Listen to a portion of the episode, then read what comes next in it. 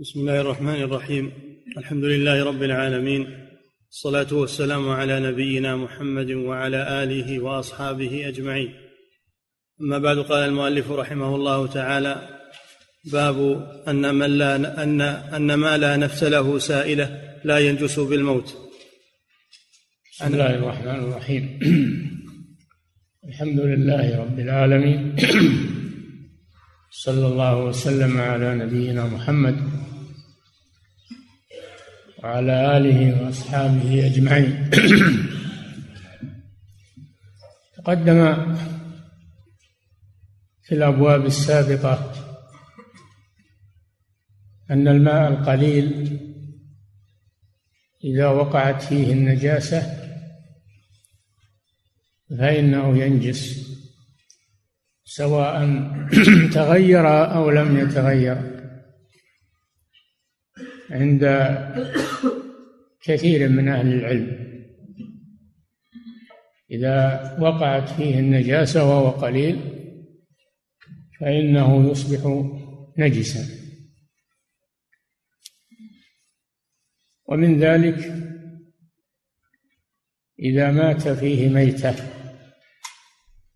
إذا مات فيه ميتة من حيوان أو طائر أو غير ذلك وهو قليل. فإنه ينجس لأن الميتة نجسة.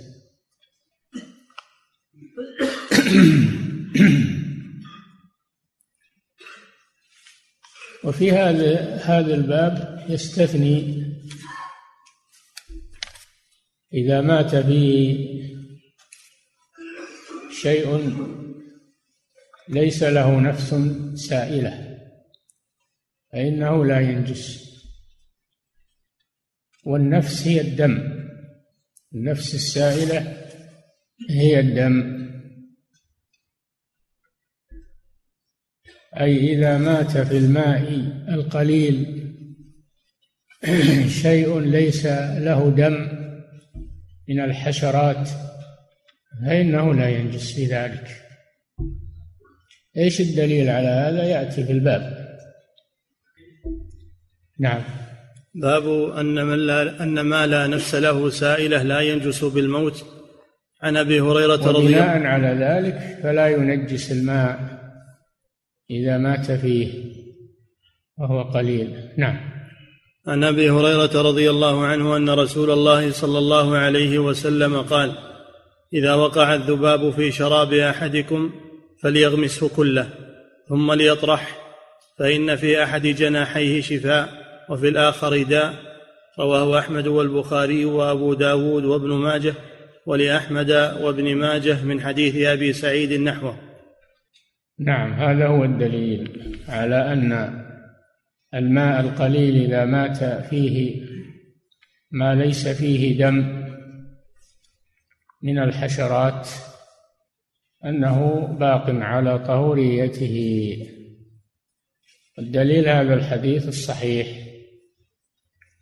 عن أبي هريرة رضي الله عنه أنه أن رسول الله صلى الله عليه وسلم قال إذا وقع الذباب في شراب أحدكم فليغمسه. يعني يغمسه كله.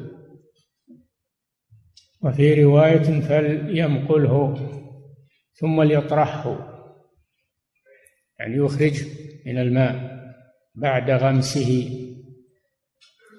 ثم علل صلى الله عليه وسلم ذلك بقوله فإن في أحد طرفي في أحد جناحي الذباب داء أي مرضا يحمل مرضا.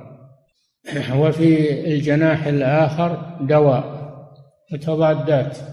خلق الله في هذا هذه الحشرة هذه المتضادات.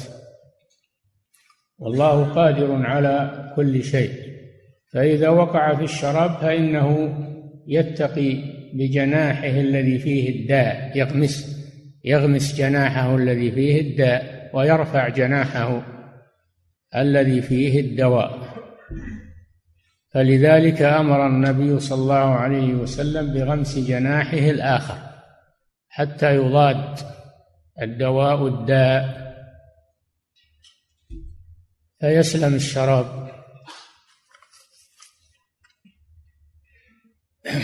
فدل هذا على أنه إذا مات والذباب ليس فيه دم. ويقاس عليه كل الحشرات مثل العناكب مثل الخنافس الجعلان. كل ما كل ما هو مثله ليس فيه دم. إذا مات في الماء القليل فإنه لا يؤثر فيه فلا يمنع التطهر به ولا يمنع شربه واستعماله. هذا وجه الاستدلال. بهذا الحديث. فدل على هذه المسألة العظيمة التي ترجم لها المصنف. وهذا واضح. لأن معلوم لأنه معلوم أنه إذا غمس الذباب في الماء غمس كله في الماء لا سيما إذا كان الماء حارا من المعلوم أنه يموت. ومع هذا أمر النبي صلى الله عليه وسلم بطرحه واستعمال الماء. هذا وجه الدلالة من الحديث. ويقاس عليه كل ما هو يشبهه من الحشرات. وفي هذا تيسير على الناس. إن الحشرات كثيرة وكثيرا ما تقع في الماء وتموت فيه. فلو أن أنها تؤثر فيه للزم من هذا الحرج على الناس. والدين جاء ولله الحمد برفع الحرج. فدل هذا الحديث العظيم على مسائل. أولا ما ترجم له المصنف أنه لا ينجس الماء إذا مات فيه. تعليل أنه ليس له دم. ليس له دم.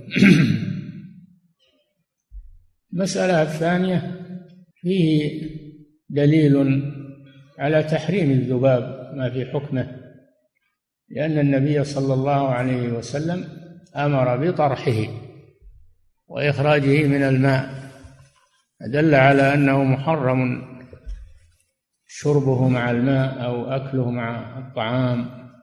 المسألة الثالثة حديث دليل على جواز قتل المؤذي لأن الذباب مؤذي. ومن أذاه أنه إذا وقع في الماء يتقي بجناحه الذي فيه الداء ويرفع الجناح الذي فيه الدواء. المسألة الرابعة في الحديث دليل على استعمال الأسباب. النافعة من الأدوية وغيرها ليتقى بها يتقى بها المرض.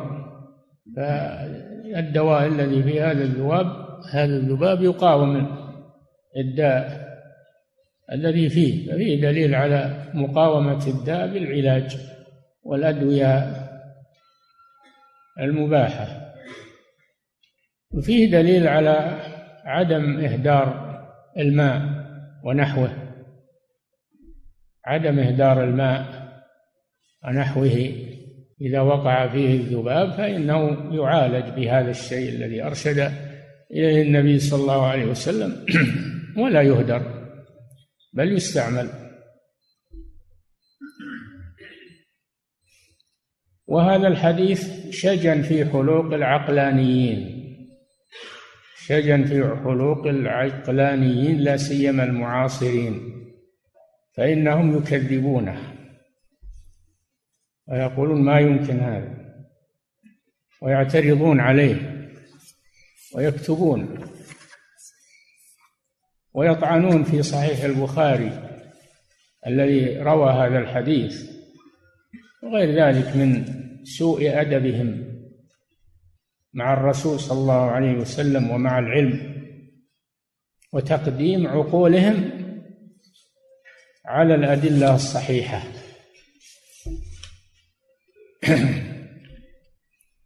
حتى إن بعضهم ومن كبارهم أيضا يقول أنا لست على استعداد أن ألغي عقلي لأجل حديث في البخاري.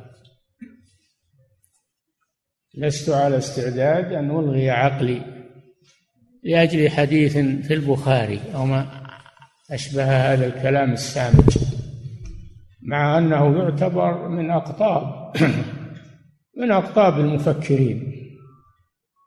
نسأل الله العافية. نعم. باب في أن الآدمي المسلم أعد الحديث.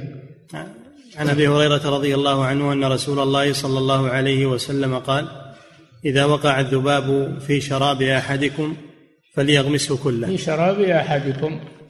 القيد هذا لا مفهوم له. يعني ما هو خاص بشراب بعضنا. أو إذا كان الشراب له مالك. إنما هذا عام.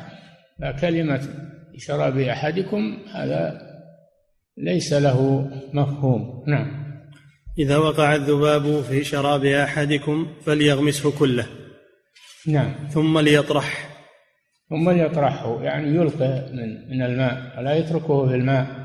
لأنه مستقذر. حرام. نعم. فإن في أحد جناحيه شفاء وفي الآخر داء. هذه الحكمة التي أمر من أجلها النبي صلى الله عليه وسلم بغمسه كله. نعم. رواه أحمد والبخاري وأبو داود وابن ماجه. وفيه دليل على عظيم قدرة الله سبحانه وتعالى أنه خلق في هذه الحشرة الضعيفة هاتان المادتان المتضادتان. وأيضا ألهم الذباب ألهم الذباب أن يتقي بجناحه الذي فيه الداء. نعم. ولأحمد وابن ماجه من حديث أبي سعيد نحوه. نحو حديث أبي هريرة. في في غمس الذباب وإلقائه. نعم. باب في أن الآدمي المسلم لا ينجس بالموت ولا شعره ولا أجزاؤه بالانفصال. تقدم أن تقدم في الحديث السابق أو في الأبواب السابقة أن بعض الصحابة أصابته جنابة فانخنس عن الرسول صلى الله عليه وسلم يعني تأخر عن مرافقته. سأله النبي صلى الله عليه وسلم لماذا فعل؟ أخبره أن عليه جنابة فكره أن يصاحب الرسول صلى الله عليه وسلم. وهو جنب. يزعم أنه نجس. يزعم أنه نجس بالجنابة. النبي صلى الله عليه وسلم قال إن المؤمن لا ينجس. إن المؤمن لا ينجس. فإنما لا ينجس. فالإنسان طاهر. سواء كان مؤمنا أو كافرا. بدن الإنسان طاهر. سواء كان مؤمنا أو كافرا. أما قوله تعالى إنما المشركون نجس فالمراد نجاسة الشرك النجاسة المعنوية. النجاسة المعنوية فهو نجس في دينه وعقيدته لا في بدنه. ولذلك الرسول صلى الله عليه وسلم كان يأكل من طعامهم ويلبس من نسجهم والصحابة يستعملون ما صنعوه أو نسجوه ولا يغسلون ذلك. ما يدل على أن أن بدن الإنسان أو جسم الإنسان طاهر. ولو كان عليه جنابة الجنابة حدث أكبر يقوم بالجسم لكن ليس معناه أنه ينجس إنما يقوم بالجسم ويمنع صحة الصلاة والطواف ونحوهما.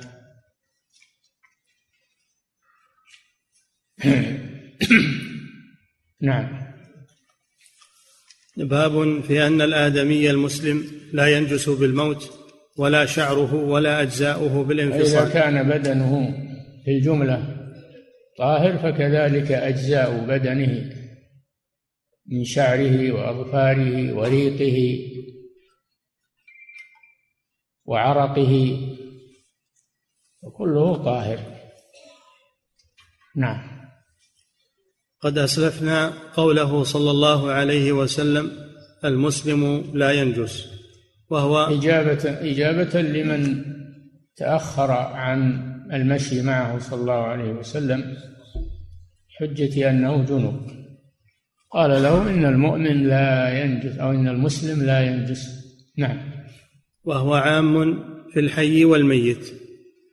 قال البخاري هو عام هذا الحكم عام للمسلم أو الآدمي سواء كان حيا أو ميتا. جنازة. ميت. طاهر الجسم هذا طاهر لو هو ميت. طاهرة أعضاؤه طاهر ما ينفصل منه من شعر أو من غير ذلك كله طاهر.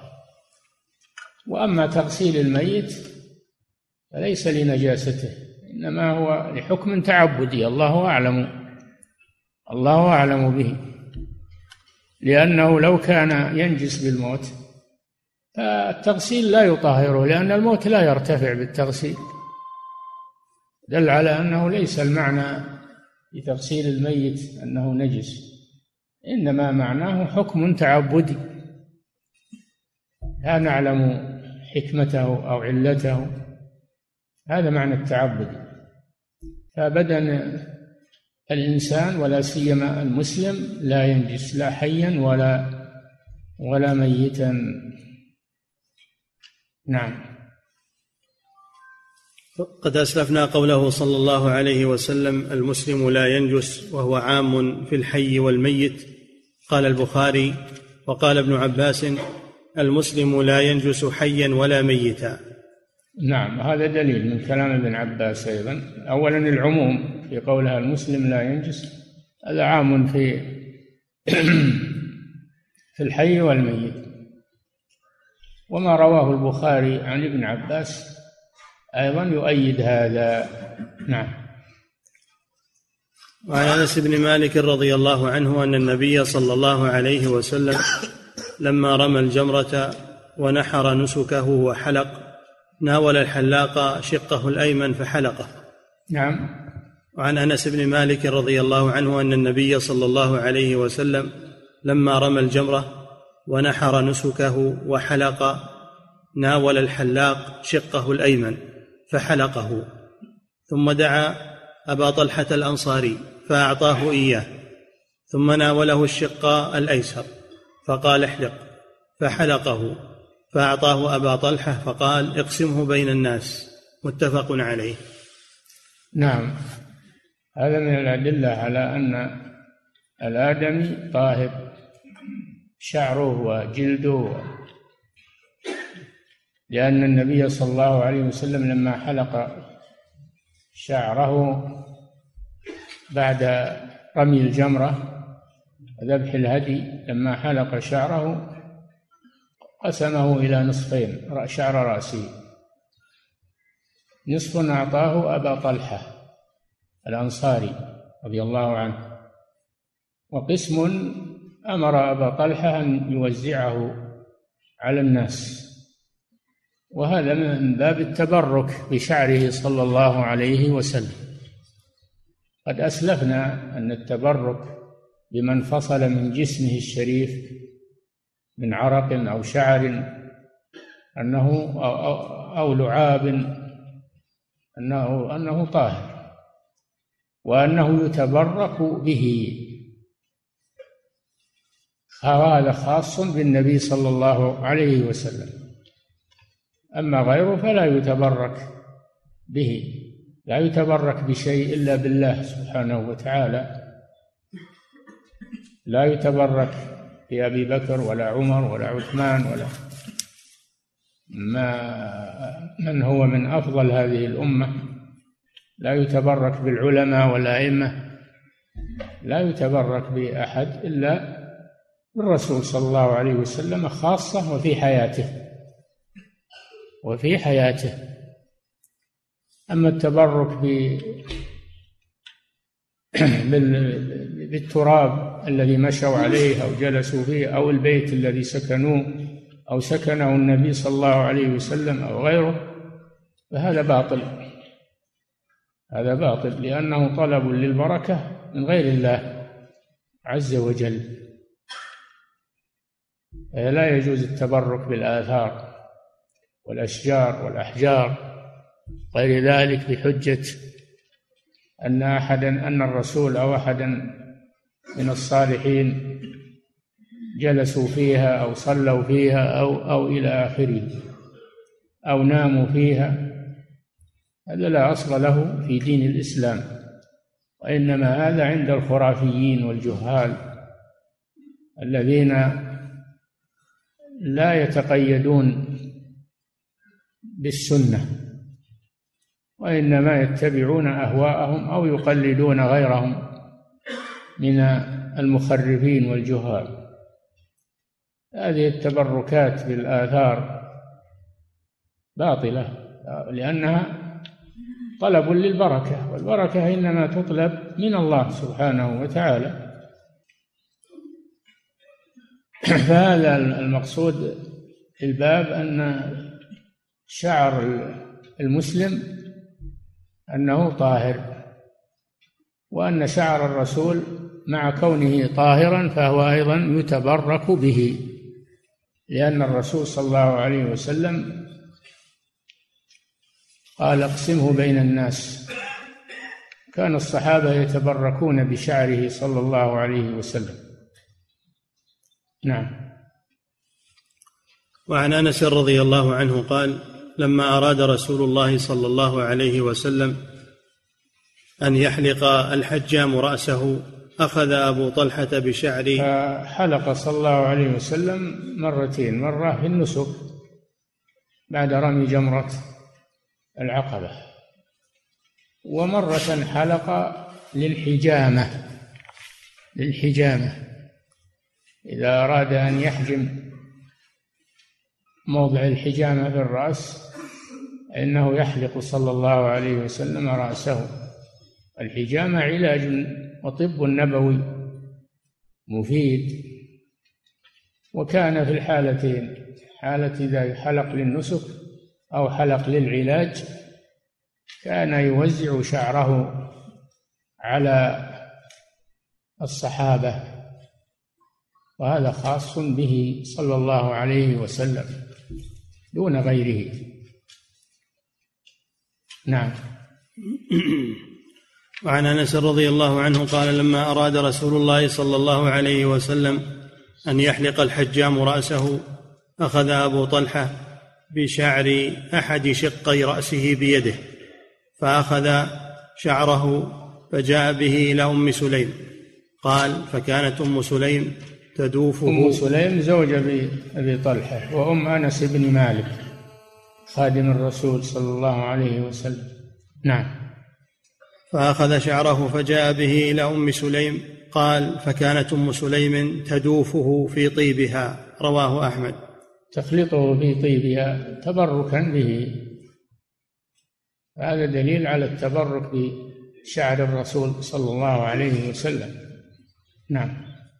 وعن أنس رضي الله عنه أن أم سليم كانت تبسط للنبي صلى الله عليه وسلم نطعا فيقيل عندها على ذلك النطع. فإذا قام أخذت من عرقه وشعره فجمعته في قارورة ثم جعلته في سك قال فلما حضرت انسا الوفاه أوصى أن يجعل في حنوطه أخرجه البخاري. نعم. وفي حديث النبي صلى الله عليه وسلم كان يزور أم سليم أم أنس بن مالك وهذا يدل على فضلها. وحب الرسول صلى الله عليه وسلم لها. كان إذا زارها لا شك إن البيت فيه عائلة ما يقال إن الرسول زارها وحده وخلا بها. لا. يقول هذا إلا مغالط. لكن البيت فيه فيه عائلة. كان صلى الله عليه وسلم يزورها محبة لها. كانت تستقبله وتبسط له نطعا أي فراشا فينام عليه من إكرامه صلى الله عليه وسلم.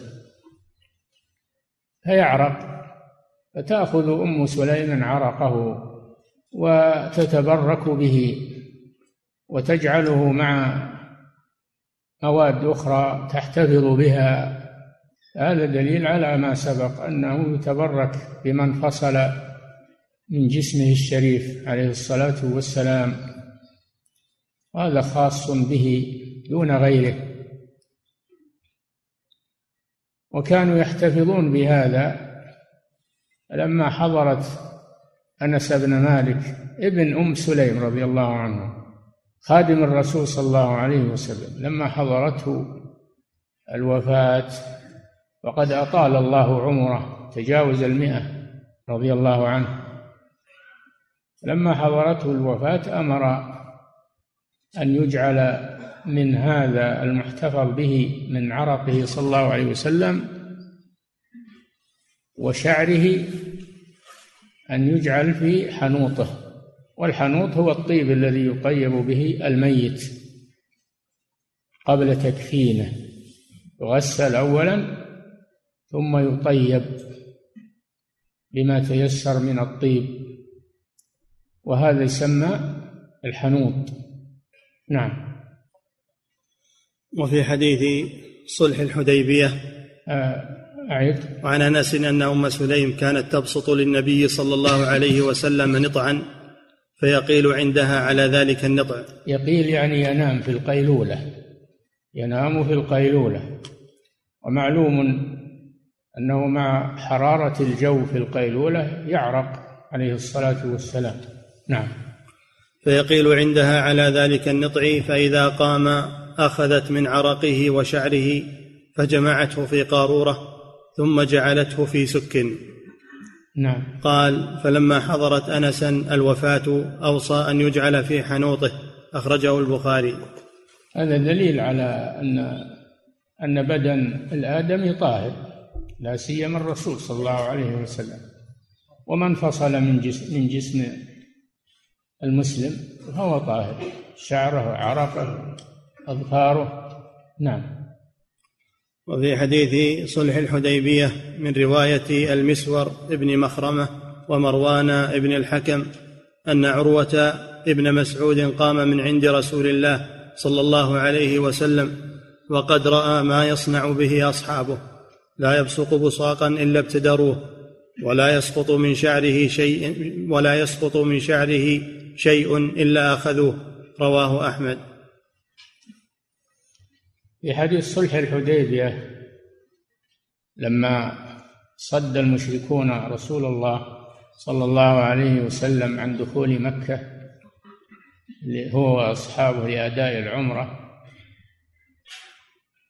صار مشادة بين المسلمين وبين المشركين. كادت تفضي إلى القتال. ثم إن المشركين صاروا يرسلون مراسيل إلى الرسول ليتفاوضوا معه. ومن جملة المراسيل عروة. آه نعم. مسور بن مخرمة ومروان بن الحكم أن عروة بن مسعود. عروة بن مسعود الثقفي رئيس أهل الطائف. عروة بن مسعود الثقفي الذي هو مقدم أهل الطائف كزعيمهم أنه أرسلوه ليتفاوض مع الرسول صلى الله عليه وسلم. فلما جلس عند الرسول رأى شيئا أعجبه من تعظيم الصحابة للرسول صلى الله عليه وسلم.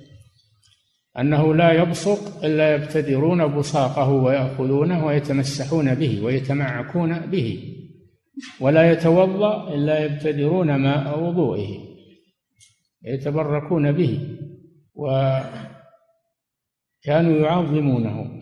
فأعجب ذلك عروة بن مسعود فرجع إلى أصحابه وقال لقد زرت الملوك والزعماء ما رأيت أحدا يعظمه أصحابه مثل ما يعظم أصحاب محمد محمدا في النهاية أسلم عروة بن مسعود رضي الله عنه وقتل قتله أهل الطائف. لما رأوه أسلم قتلوه شهيدا رضي الله عنه. فالشاهد في أن الصحابة كانوا يتبركون بما ينفصل عن الرسول صلى الله عليه وسلم من البساط وغيره ومن ماء الوضوء وغيره. دل على أن بدن المسلم طاهر وما ينفصل منه طاهر العرق والوضوء وغير ذلك. هذا هذا ما ما أراده المصنف. وفيه زيادة التبرك بما انفصل من جسمه. صلى الله عليه وسلم وهذا من خواصه عليه الصلاة والسلام دون غيره. نعم. وعن عثمان بن عبد الله بن موهب قال أرسلني أهلي إلى أم سلمة بقدح من ماء فجاءت بجلجل من فضة فيه شعر من شعر رسول الله صلى الله عليه وسلم. فكان إذا أصاب الإنسان عين أو شيء بعث إليها باناء فخضخضت له فشرب منه. فاطلعت في الجلجل فرأيت شعرات حمرا رواه البخاري. أعد. وعن عثمان بن عبد الله بن موهب قال أرسلني أهلي إلى أم سلمة بقدح من ماء. إلى أم سلمة أم المؤمنين زوج النبي صلى الله عليه وسلم. نعم. أرسلني أهلي إلى أم سلمة بقدح من ماء فجاءت بجلجل من فضة. الجلجل هو الجرس. الجلجل هو الجرس. نعم. فجاءت بجلجل من فضة فيه شعر من فضة يعني فيه فضة. الفضة الإناء من الفضة الخالص لا يجوز أما المموه من الفضة فيرخص فيه. نعم. فجاءت بجلجل من فضة فيه شعر من شعر رسول الله صلى الله عليه وسلم. فكان إذا أصاب الإنسان عين أو شيء بعث إليها بإناء فخضخضت له فشرب منه. نعم هذا محل الشاهد أن أن شعر الرسول صلى الله عليه وسلم طاهر يتبرك به ومثل شعر كل آدمي لا سيما المسلم فهو طاهر. لكن شعر الرسول صلى الله عليه وسلم يختص بأنه يتبرك به يتبرك به. وكانت أم سلمة تحتفظ بهذا الشعرات من الرسول صلى الله عليه وسلم ووضعتها في هذا الجلجل وكانت تعطي من احتاج من المرضى ليستشفي به من المرض فيشفى بإذن الله. شعرات الرسول صلى الله عليه وسلم. محل الشاهد أن طهارة محل الشاهد فيه دليل على طهارة بدن المسلم ولا سيما الرسول صلى الله عليه وسلم. وطهارة من فصل من بدنه هذا مراد المصنف من إيراد هذه الأحاديث هنا أن جسم المؤمن ومن فصل منه فإنه طاهر. ولو كان هذا الإنسان ميتا. نعم. فكان إذا أصاب الإنسان عين أو شيء بعث إليها بإناء فخضخضت له فشرب منه فاطلعت في الجلجل فرأيت شعرات حمراء. رواه البخاري. من شعر الرسول صلى الله عليه وسلم.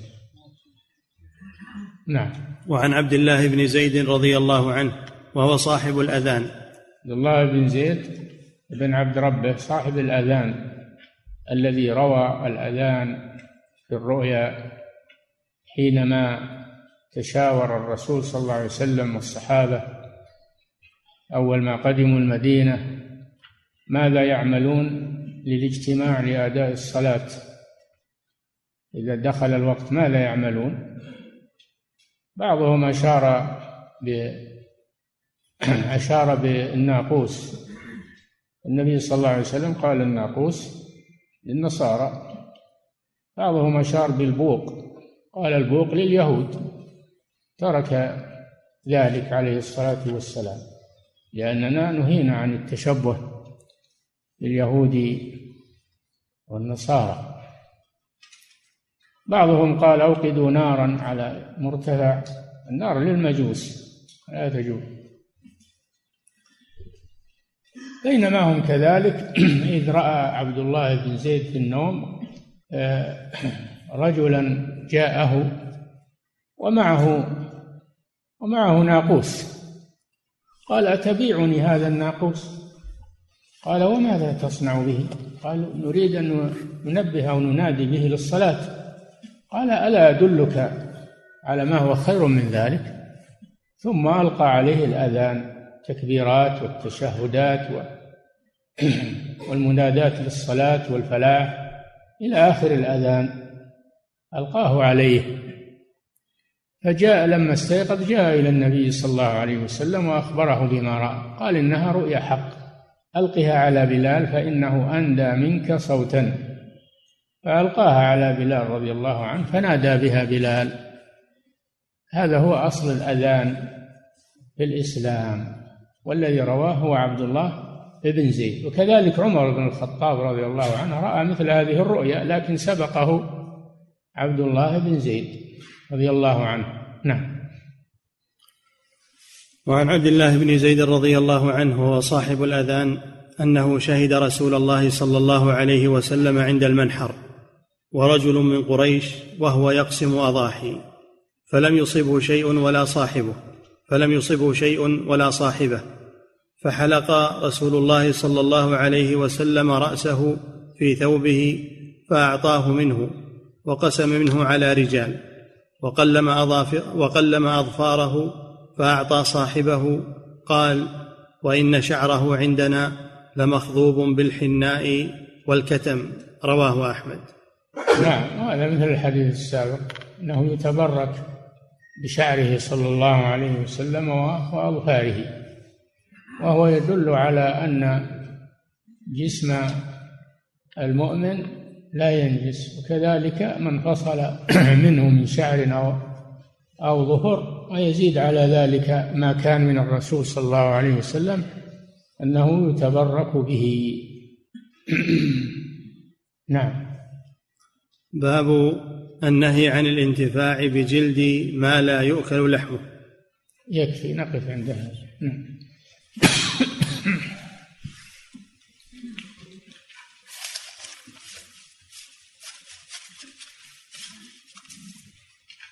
يقول فضيلة الشيخ وفقكم الله هل أمر النبي صلى الله عليه وسلم في حديث الذباب هل أمره على سبيل الوجوب أم على سبيل الاستحباب؟ أمره على سبيل الإيجاب. الأمر الأصل في الأمر الوجوب فلا يجوز إراقة الماء الذي وقع فيه الذباب لأن هذا إهدار للماء أو إهدار للطعام إذا وقع فيه. فلا يجوز إراقته. ولا يلزم أنك تستعمله أنت. إذا كنت أنت تكرهه خله لغيرك. خله لمن يستعمله غيرك. نعم. يقول فضيلة الشيخ وفقكم الله إذا قتلت ذبابة أو ناموسا فخرج منهما دم ووقع على ملابسي فهل ما يضر ما يضر طاهر. لأنه ليس دما ما يسمى هذا دم. نعم. يقول فضيلة الشيخ وفقكم الله هل يقاس غير غير الذباب مما لا مما لا نفس له سائلة؟ هل يقاس على الذباب في غمسه في الإناء؟ لا لم يرد فيه لكنه لو مات لو مات في في الماء فإنه مثل الذباب لا ينجسه. أما غمسه هذا لم يرد. نعم مثل العناكب والشبثان. والخنافس والجعلان. و... نعم. يقول فضيلة الشيخ وفقكم الله يقول هل من ترك استعمال الماء الذي وقعت فيه الذبابة ثم قام بدفقه هل يعتبر مخالفا للسنة؟ بلا شك. إذا أنك تكره أنت خله للناس. يستعملونه ولا تهدره. نعم. ويقول هل الحديث خاص بالماء؟ أم في سائر أم في سائر المشروبات؟ عام عام في الماء وسائر السائلات والطعام وغير ذلك. نعم. يقول فضيلة الشيخ وفقكم الله عندما نقول إن هذه المسألة فيها خلاف بين العلماء فأي العلماء نتبع خاصة أننا لم نصل إلى مرحلة من العلم تجعلنا نختار الأرجح إذا كنت ممن يعرف الأدلة والترجيح فإنك تعرض أقوال أهل العلم على الأدلة فما دل عليه الدليل تأخذ به وما خالف الدليل تتركه من أقوال أهل العلم. فإن تنازعتم في شيء فردوه إلى الله والرسول إن كنتم تؤمنون بالله واليوم الآخر. ذلك خير وأحسن تأويلا. وما اختلفتم فيه من شيء فحكمه إلى الله. ذلكم الله ربي عليه توكلت وإليه أنيب. فيجب عليك أن تعرض أقوال أهل العلم على الأدلة وما قام عليه الدليل تأخذ به وما خالف الدليل تتركه هذا الواجب. ولا تأخذ ما يوافق هواك. ولو كان خلاف الدليل ما يجوز ذلك. أما إذا كنت من العوام أو المبتدئين في طلب العلم ولا تعرف الأدلة ولا الترجيح فاسأل أهل العلم عما اختلف فيه. اسأل أهل العلم. قال تعالى فاسألوا أهل الذكر إن كنتم لا تعلمون. الله جل وعلا ما تركنا في حيرة بل أمرنا بالرد إلى كتابه وسنة رسوله. فإذا لم نكن نستطيع الرد إلى الكتاب والسنة فإننا نسأل أهل العلم الذين يعرفون الكتاب والسنة. نعم. يقول فضيلة الشيخ وفقكم الله ما الحكم في من ينكر حديث الذبابة ويقول بهذا النص آخذ برأي طبيب كافر ولا آخذ برأي النبي صلى الله عليه وسلم؟ ويقول ولا أجد حرجا في ذلك البتة مع أنه من كبار المفكرين. يخشى عليه من الردة هذا. لولا أنه يعذر بالجهل والتأويل لا أطلقت عليه الردة لكن يحمل على الجهل. وإن كان من كبار المفكرين فهو من كبار الجهال أيضا. فيحمل على الجهل وعلى عدم العلم.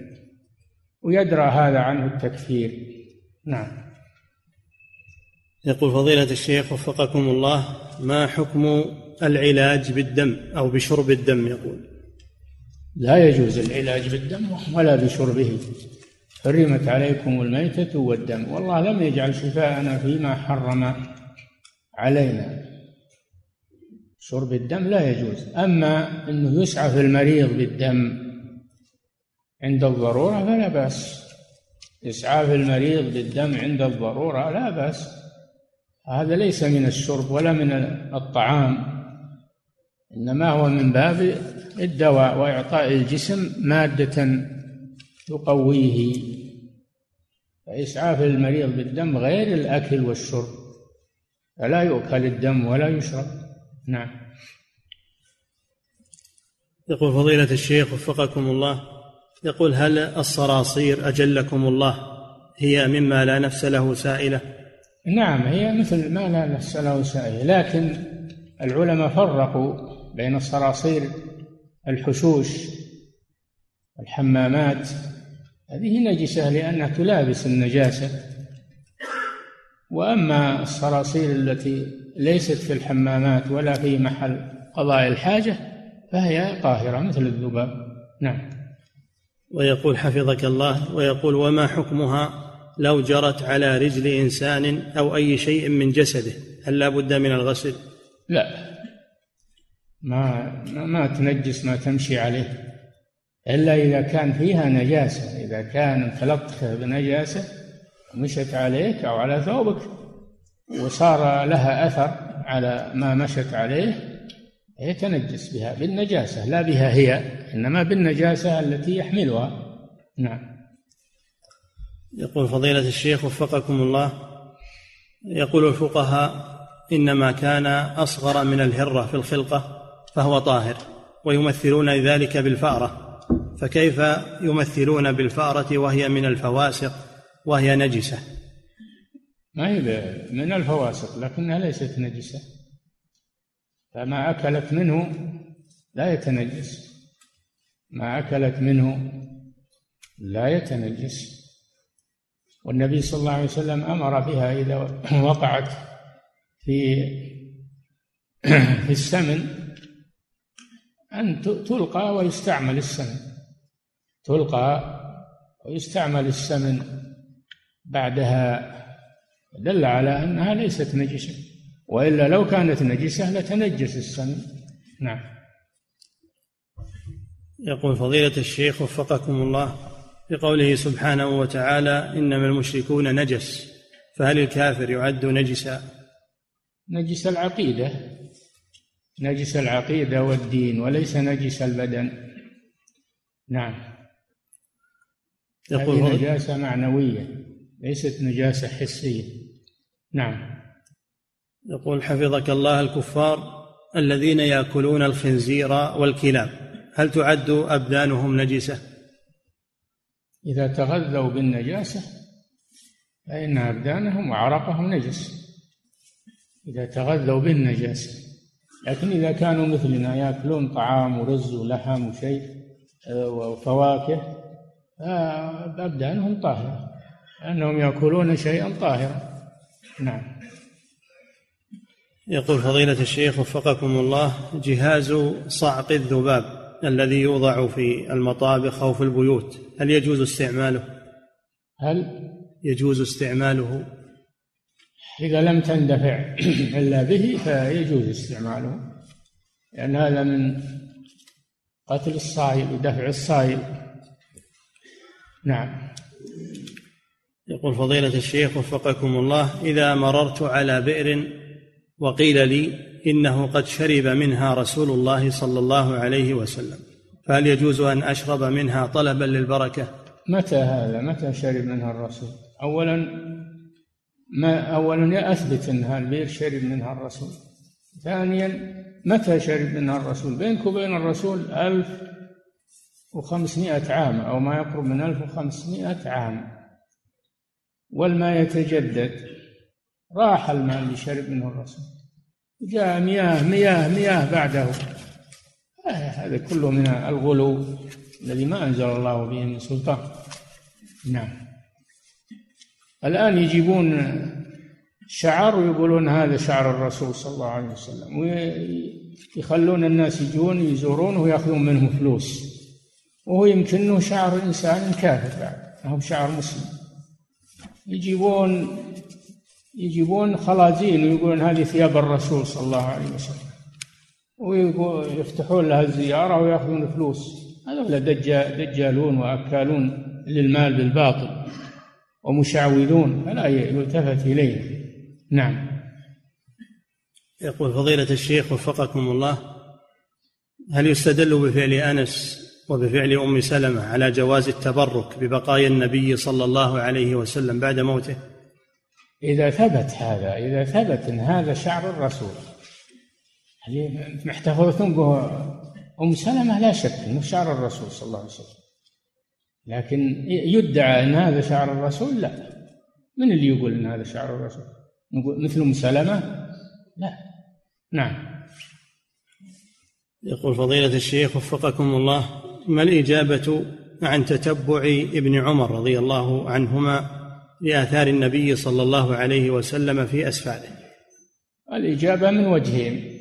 الوجه الأول أن ابن عمر رضي الله عنه لا يقصد التبرك كما يقصده الخرافيون إنما يقصد الاتباع والاقتداء. يقصد الاقتداء بالرسول صلى الله عليه وسلم. وهؤلاء لا يقتدون بالرسول يخالفونه في كثير من الأمور. الإجابة الثانية أن هذا من اجتهاد ابن عمر ولم يوافقه عليه كبار الصحابة. خالفه من هو أفضل منه كأبيه وأبي بكر كأبي بكر وعمر وعثمان. ما فعلوا هذا ولا وافقوه على هذا. نعم. يقول فضيلة الشيخ وفقكم الله لماذا قيد الرسول صلى الله عليه وسلم في الحديث فقال المسلم لا ينجس؟ ولم يقل الإنسان فكيف نقول إن الكافر لأن لأن الذي تخلف عن الرسول صلى الله عليه وسلم مسلم صحابي. وأما طهارة بدن الكافر فمن غير هذا الحديث كما ذكرنا لكم أن الرسول كان يأكل من طعامهم وما طبخوه ويجيب دعوتهم وكان يلبس يلبس الصحابة من منسوجاتهم. ويشربون من الماء الذي بحوزتهم يتوضؤون منه. هذا دليل على أن أن أبدانهم طاهرة وما لامسوه فهو طاهر. في هذا رفع للحرج عن الأمة. في هذا رفع للحرج عن الأمة والحمد لله. نعم. يقول فضيلة الشيخ وفقكم الله هل يؤخذ من الأحاديث السابقة أن حلق نصف الشعر الأيمن أولا ثم النصف الآخر نعم هو السنة. هذا السنة. أنه يبدأ بالأيمن. إذا أردت أن تحلق تبدأ باليمين أيمن الرأس. هذا سنة. تيامن. لأن الحلق للحج أو العمرة عبادة. والعبادة يتيامن بها كالوضوء. نعم. يبدأ بالميامن. نعم. يقول فضيلة الشيخ وفقكم الله الحلق هل هو سنة في الحج دون العمرة لفعل النبي صلى الله عليه وسلم في الحج أم أنه عام في الحج والعمرة؟ الحلق أفضل لأن النبي صلى الله عليه وسلم دعا للمحلقين ثلاث مرات ودعا للمقصرين مرة واحدة. الحلق أفضل. لكن قالوا إذا كان الحج قريبا العمرة تبي تحلل من العمرة والحج قريب فالأفضل أن تقصر للعمرة لأجل توفر الشعر للحلق في الحج. نعم.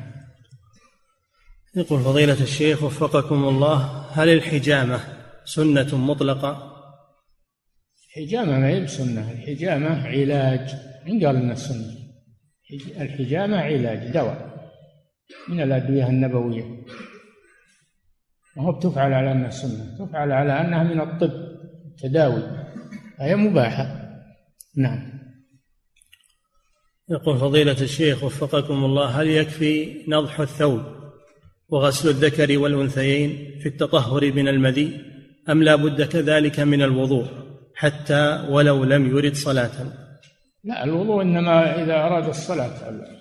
المذي ناقض للوضوء لأنه خارج من السبيل. فإذا أردت أن تتوضأ إذا أردت أن تصلي فلا بد أن تتوضأ وتستنجي بغسل الذكر و الأنثيين كما جاء في الحديث.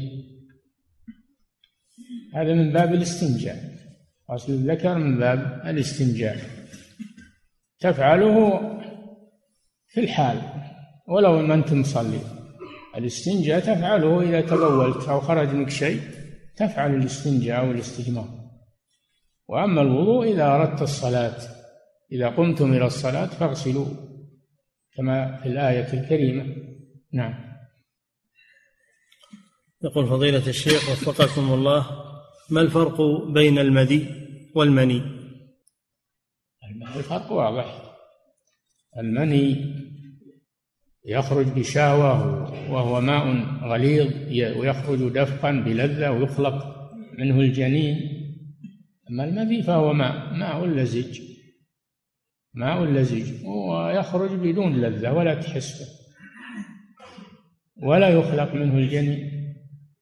نعم. ويقول فضيلة الشيخ وفقكم الله ما الراجح فيما دون القلتين وفي الماء المستعمل؟ هل ينجسان مطلقا أو إذا تغيرا بالنجاسة؟ هذه مسألة الخلاف فيها قول. إن الماء لا ينجسه شيء إلا ما غلب على لونه أو طعمه أو ريحه. هذا منطوق. وأما حديث القلتين فهو بالمفهوم والمنطوق مقدم على المفهوم. ولذلك الراجح عند المحققين من أهل العلم أن الماء لا ينجس إلا إذا تغير سواء كان قليلا أو كثيرا. نعم. يقول فضيلة الشيخ وفقكم الله هل تعد القيلولة سنة؟ إذا كان يقصد بها الاستعانة على قيام الليل فهي سنة. إذا قصد بالقيلولة أن يستعين بها على قيام الليل فهي سنة لأنها تراد للعبادة الاستعانة على العبادة والمباح إذا قصد به الاستعانة على العبادة صار عبادة. نعم. ويقول حفظك الله متى تكون هذه القيلولة؟ هل هي قبل الظهر أو بعده؟ تكون وقت الظهيرة قيلولة وقت الظهيرة والغالب أنها قبل الظهر. تختلف عادات الناس منهم من لا يقيل إلا بعد الظهر ومنهم من يقيل قبل الظهر. نعم. يقول فضيلة الشيخ تضعون ثيابكم من الظهيرة فالقيلولة في الظهيرة. نعم. يقول فضيلة الشيخ وفقكم الله ذكرتم حفظكم الله أن الجلجل هو الجرس. فكيف فكيف يكون الجرس عند أم سلمة رضي الله عنها؟ ومعلوم يقول أن الجرس حرام. حين ما تستعمله أم سلمة ما تستعمله للطرب إنما تستعمله على أنه إناء. تضع فيه الماء. نعم. يقول فضيلة الشيخ وفقكم الله يقول زوجتي مصابة بمرض البهاق وهو مرض وراثي. يقول هل يجوز لي أن أمنع الحمل خوفا أن يرث أولادي هذا المرض؟ لا لا تمنع الحمل. لا تمنع الحمل. البهاق لا يسوغ منع الحمل. نعم. يقول فضيلة الشيخ وفقكم الله هل يجوز لي أداء العمرة عن زوجة عمي المتوفاة علما بأن لها أبناء؟ طيب إذا كنت اعتمرت لنفسك فاعتمر عمن تشاء زوجة عمك أو زوجة خالك أو جدك. اللي تبي ما يخالف. الأمر واسع. نعم. يقول فضيلة الشيخ وفقكم الله يقول في مصر توجد بعض آثار الفراعنة وهي مدفونة بالأرض. يستطيع بعض الناس استخراجها؟ فهل يجوز بيع هذه الأشياء علما بأنها تحتوي على تماثيل وعلى صور وإذا لا يجوز. البحث عن آثار الكفار ترويجها وبيعها هذا لا يجوز. لأن هذا تشبه بهم وإعجاب بآثارهم. وهذا من فعل الجاهلية التمسك بالآثار والمغالاة فيها من فعل الجاهلية ومن فعل اليهود والنصارى وليس هو من فعل المسلمين. نعم. ويقول حفظك الله وهل يجوز الاستعانة بالجن للدلالة على مثل هذه الأشياء؟ لا يستعان بالجن للدلالة على شيء. هذا من من استخدام الجن. استخدام الجن لا يجوز. والاستعانة بهم لا تجوز. لأنهم عالم غايب ولا يجوز الاستعانة بالغايب. إنما يستعان بالحاضر الحي فيما يباح فيما يباح فقط. الحاضر الحي. القادر على إعانته والجن عالم غائب عنك. لا تستعن بالغائبين والأموات. نعم. يقول فضيلة الشيخ وفقكم الله هل يجوز للمحدث حدثا أصغر أن يمس المصحف وأن يقرأ فيه؟ وما المقصود بقوله سبحانه؟ لا يمس المصحف إلا طاهر كما في الحديث. حدث أصغر أو أكبر. لكن اللي عليه حدث أصغر يجوز أن يقرأ عن ظهر قلب. وأما من عليه حدث أكبر فلا يقرأ لا عن ظهر قلب ولا نظرا من المصحف حتى يغتسل نعم. ويقول في قوله سبحانه وتعالى لا يمسه إلا المطهرون هل يستدل بها على ذلك؟ في كتاب مكنون وهو اللوح اللوح المحفوظ. لا يمسه إلا المطهرون من الملائكة من الملائكة. لا يمسه إلا الملائكة لأن القرآن محفوظ ومصون. لا تقربه الشياطين. لكن يقول ابن القيم هذا فيه دلالة إشارة على أن الآدمي أيضا لا يمسه إلا وهو طاهر. من باب دلالة الإشارة لا دلالة النص. نعم. يقول فضيلة الشيخ وفقكم الله إذا وضعت جنازة في مكان القبلة وصلى الناس الفرض والجنازة أمامهم. فما حكم هذه الصلاة؟ لا بأس إذا كان ما في مكان مكان ضيق ووضعوها من أجل أنهم يصلون عليها بعد الصلاة فلا مانع من ذلك. نعم.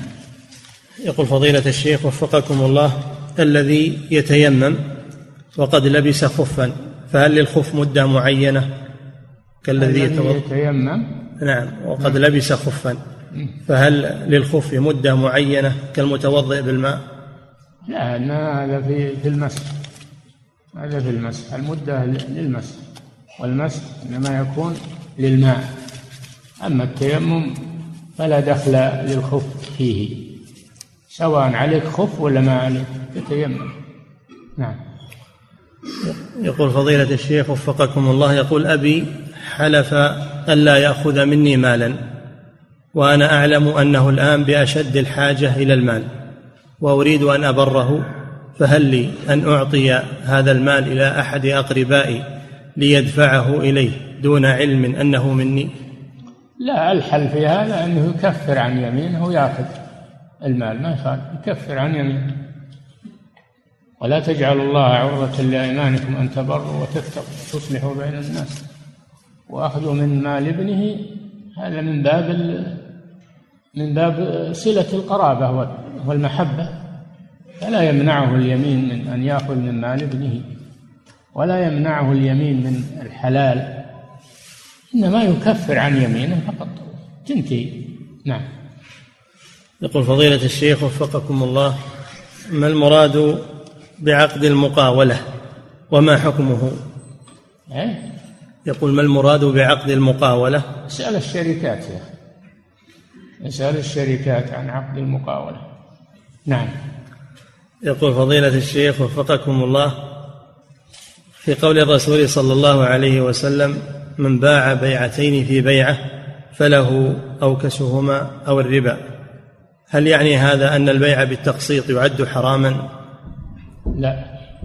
بيعتين في بيعة. قال هذه السلعة إنسان تبي تاخذه حاله فهي بمئة تأخذها مؤجلة بمئة وخمسين. ما حدد الثمن الآن فلا ينعقد البيع مع الثمن لم يحدد. مجهول متردد بين هذا وهذا حتى يعزم.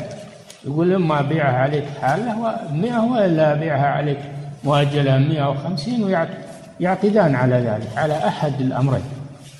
نعم. أما أنه يبيع مخير بكذا إن كان حالا أو بكذا إن كان مؤجلا يبيع على هذا. هذه بيعة في في بيعة لا يجوز هذا. نعم. يقول فضيلة الشيخ وفقكم الله التأجير المنتهي بالتمليك. ما حكمه؟ علما بأن الشركة تقول إن العقد ليس فيه دفعة أخيرة كما كان في السابق. لا يجوز. صدر فيه قرار من هيئة كبار العلماء. أنه حرام ولا يجوز لأنه متردد بين عقدين لا هو بإيجار ولا هو بيع والبيع لازم يكون مجزوما به وقت العقد ما يصير متردد. هذه ناحية. الناحية الثانية أنه جمع بين عقدين مختلفين فالإجارة لها أحكام والبيع له أحكام. أيهم يأخذ أحكام البيع ولا أحكام الإيجار؟ فلا يصلح هذا. أيضا هذا فيه استغلال للفقير. استغلال للفقير.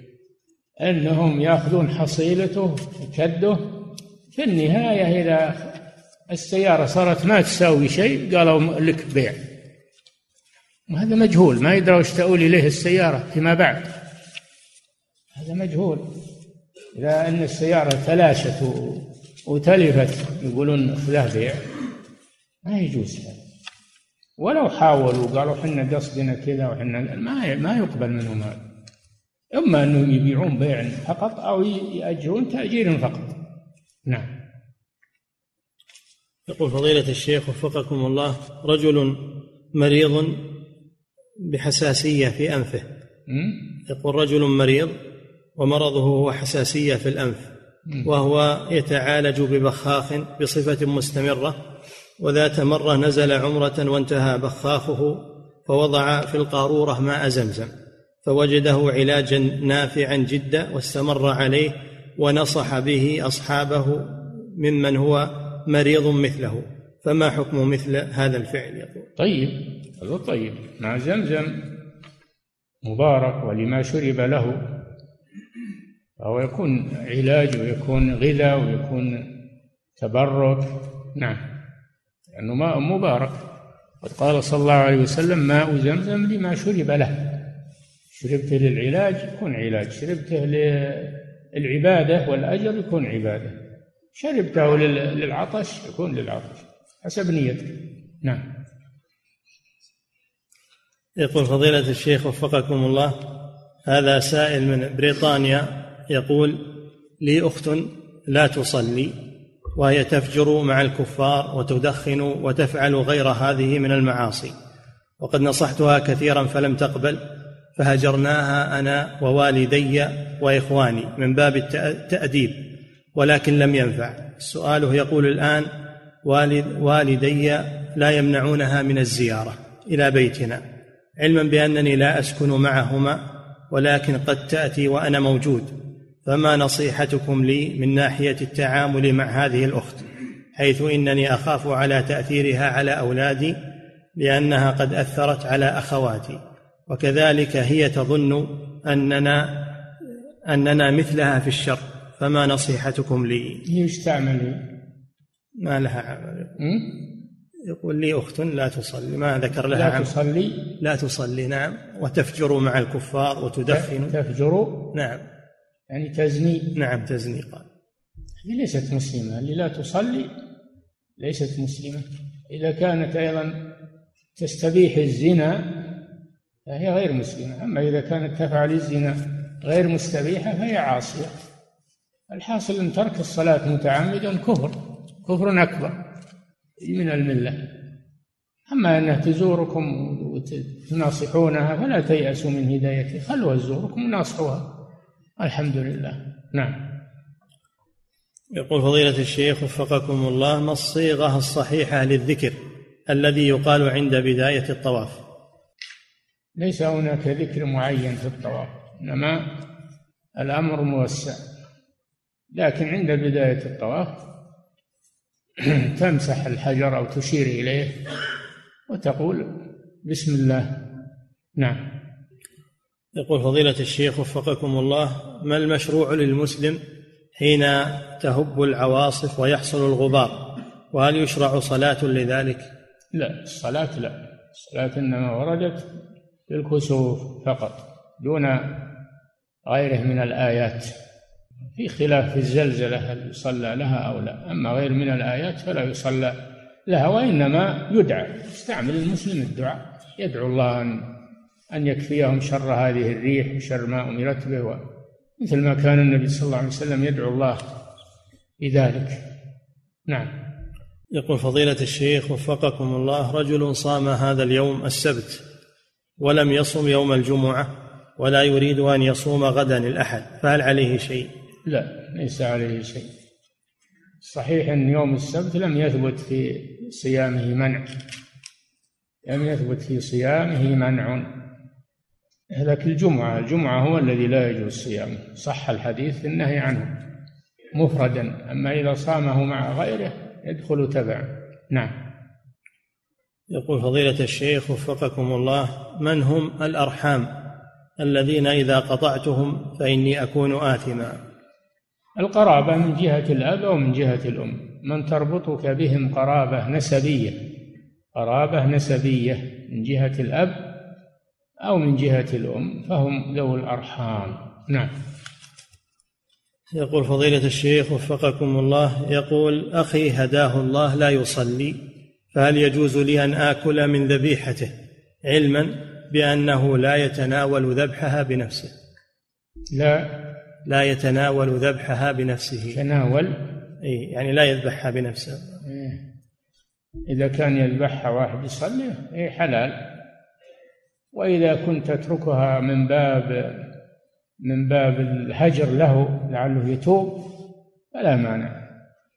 إذا كنت تترك أكلها من باب الهجر له لعله يتوب فلا بأس بذلك. أما إذا كان ما يؤثر فيه فأنت تأكل منها لأنها حلال والحمد لله. نعم. يقول فضيلة الشيخ وفقكم الله يقول صلى بنا مقيم في محطة بنزين في مدينة الرياض. وكان يقرأ البسملة جهرا ثم بعد الصلاة دعا جهرا وكان المصلون يؤمنون وراءه. يقول فنصحته فقال إنه مقلد للإمام الشافعي وقد أصر على ذلك مرارا. يقول فما العمل معه؟ مع العلم بأنني مقيم مثله. الجهر بالبسملة قبل الفاتحة هذا أمر سهل. هذا أمر سهل. ومن العلماء من يرى أن أن البسملة آية من الفاتحة. لا بد من الجهر بها وقراءتها. الجمهور على أنها ليست آية وإنما يستحب الإتيان بها قبل الفاتحة سرا. فمسألة البسملة أمرها سهل. لكن الدعاء بعد بعد الصلاة جماعيا والتأمين عليه هذا بدعة الدعاء من حيث هو لا بأس لكن كونه بصفة جماعية وبرفع صوت هذا بدعة أنت تنصحه. وله بإمام مسجد إنما هذه مسألة عابرة. الصلاة صحيحة إن شاء الله ومع بيان والنصيحة له. وقد أديتها والحمد لله. نعم. يقول فضيلة الشيخ وفقكم الله يقول شخص وكل شخص وكل آخر بأن يقوم بالأذان عنه على أن يعطيه على أن يعطيه الجعل الذي من الدولة. وهو يأخذ بيت المسجد علما بأن هذه الوكالة مستمرة فهل يجوز له ذلك؟ لا هذا من البيع والشراء. يعني يأخذ البيت ويعطي هذا الراتب ويخليه يذن. هذا هذا لا يجوز. ثم يقوم بالأمر كاملا ولا يروح لوزاره الشؤون الإسلامية ويستقيل. يأخذه غيره. لا يجوز له العمل هذا. إيش اللي يبيح له البيت وهو ما يقوم بالإمامة؟ اللي يبيح له الراتب ما هو؟ وهو لا يقوم بالعمل. ما هو ملك له هذا. المكافأة اللي يأخذها ليستعين بها على العمل. إذا كان لا يؤدي العمل فبماذا يستحلها؟ نعم. يقول فضيلة الشيخ وفقكم الله هل تغسيل الميت يعد ناقضا للوضوء؟ لا الصحيح أنه لا ينقض الوضوء. نعم. يقول فضيلة الشيخ وفقكم الله يقول أحد الدكاترة يقول كونه يتوضأ أحوط ما في شك. كونه يتوضأ أحوط لأن يعني بعض العلماء يرى أنه من نواقض الوضوء لكن كونه يحتاط أحسن. نعم. يقول فضيلة الشيخ وفقكم الله أحد الدكاترة يقول إن تارك الصلاة كافر بإجماع الصحابة والخلاف بعدهم لا ينقض إجماعهم ومن لم يكفر الكافر فهو كافر. فمن لم يكفر تارك الصلاة فيعد كافرا مثله. هل يستقيم له هذا الاستدلال؟ أما أول كلامه صحيح أن الصحابة أجمعوا على كفر تارك الصلاة. والخلاف إنما جاء بعدهم فهو مسبوق بالإجماع على أن تارك الصلاة متعمدا كافر.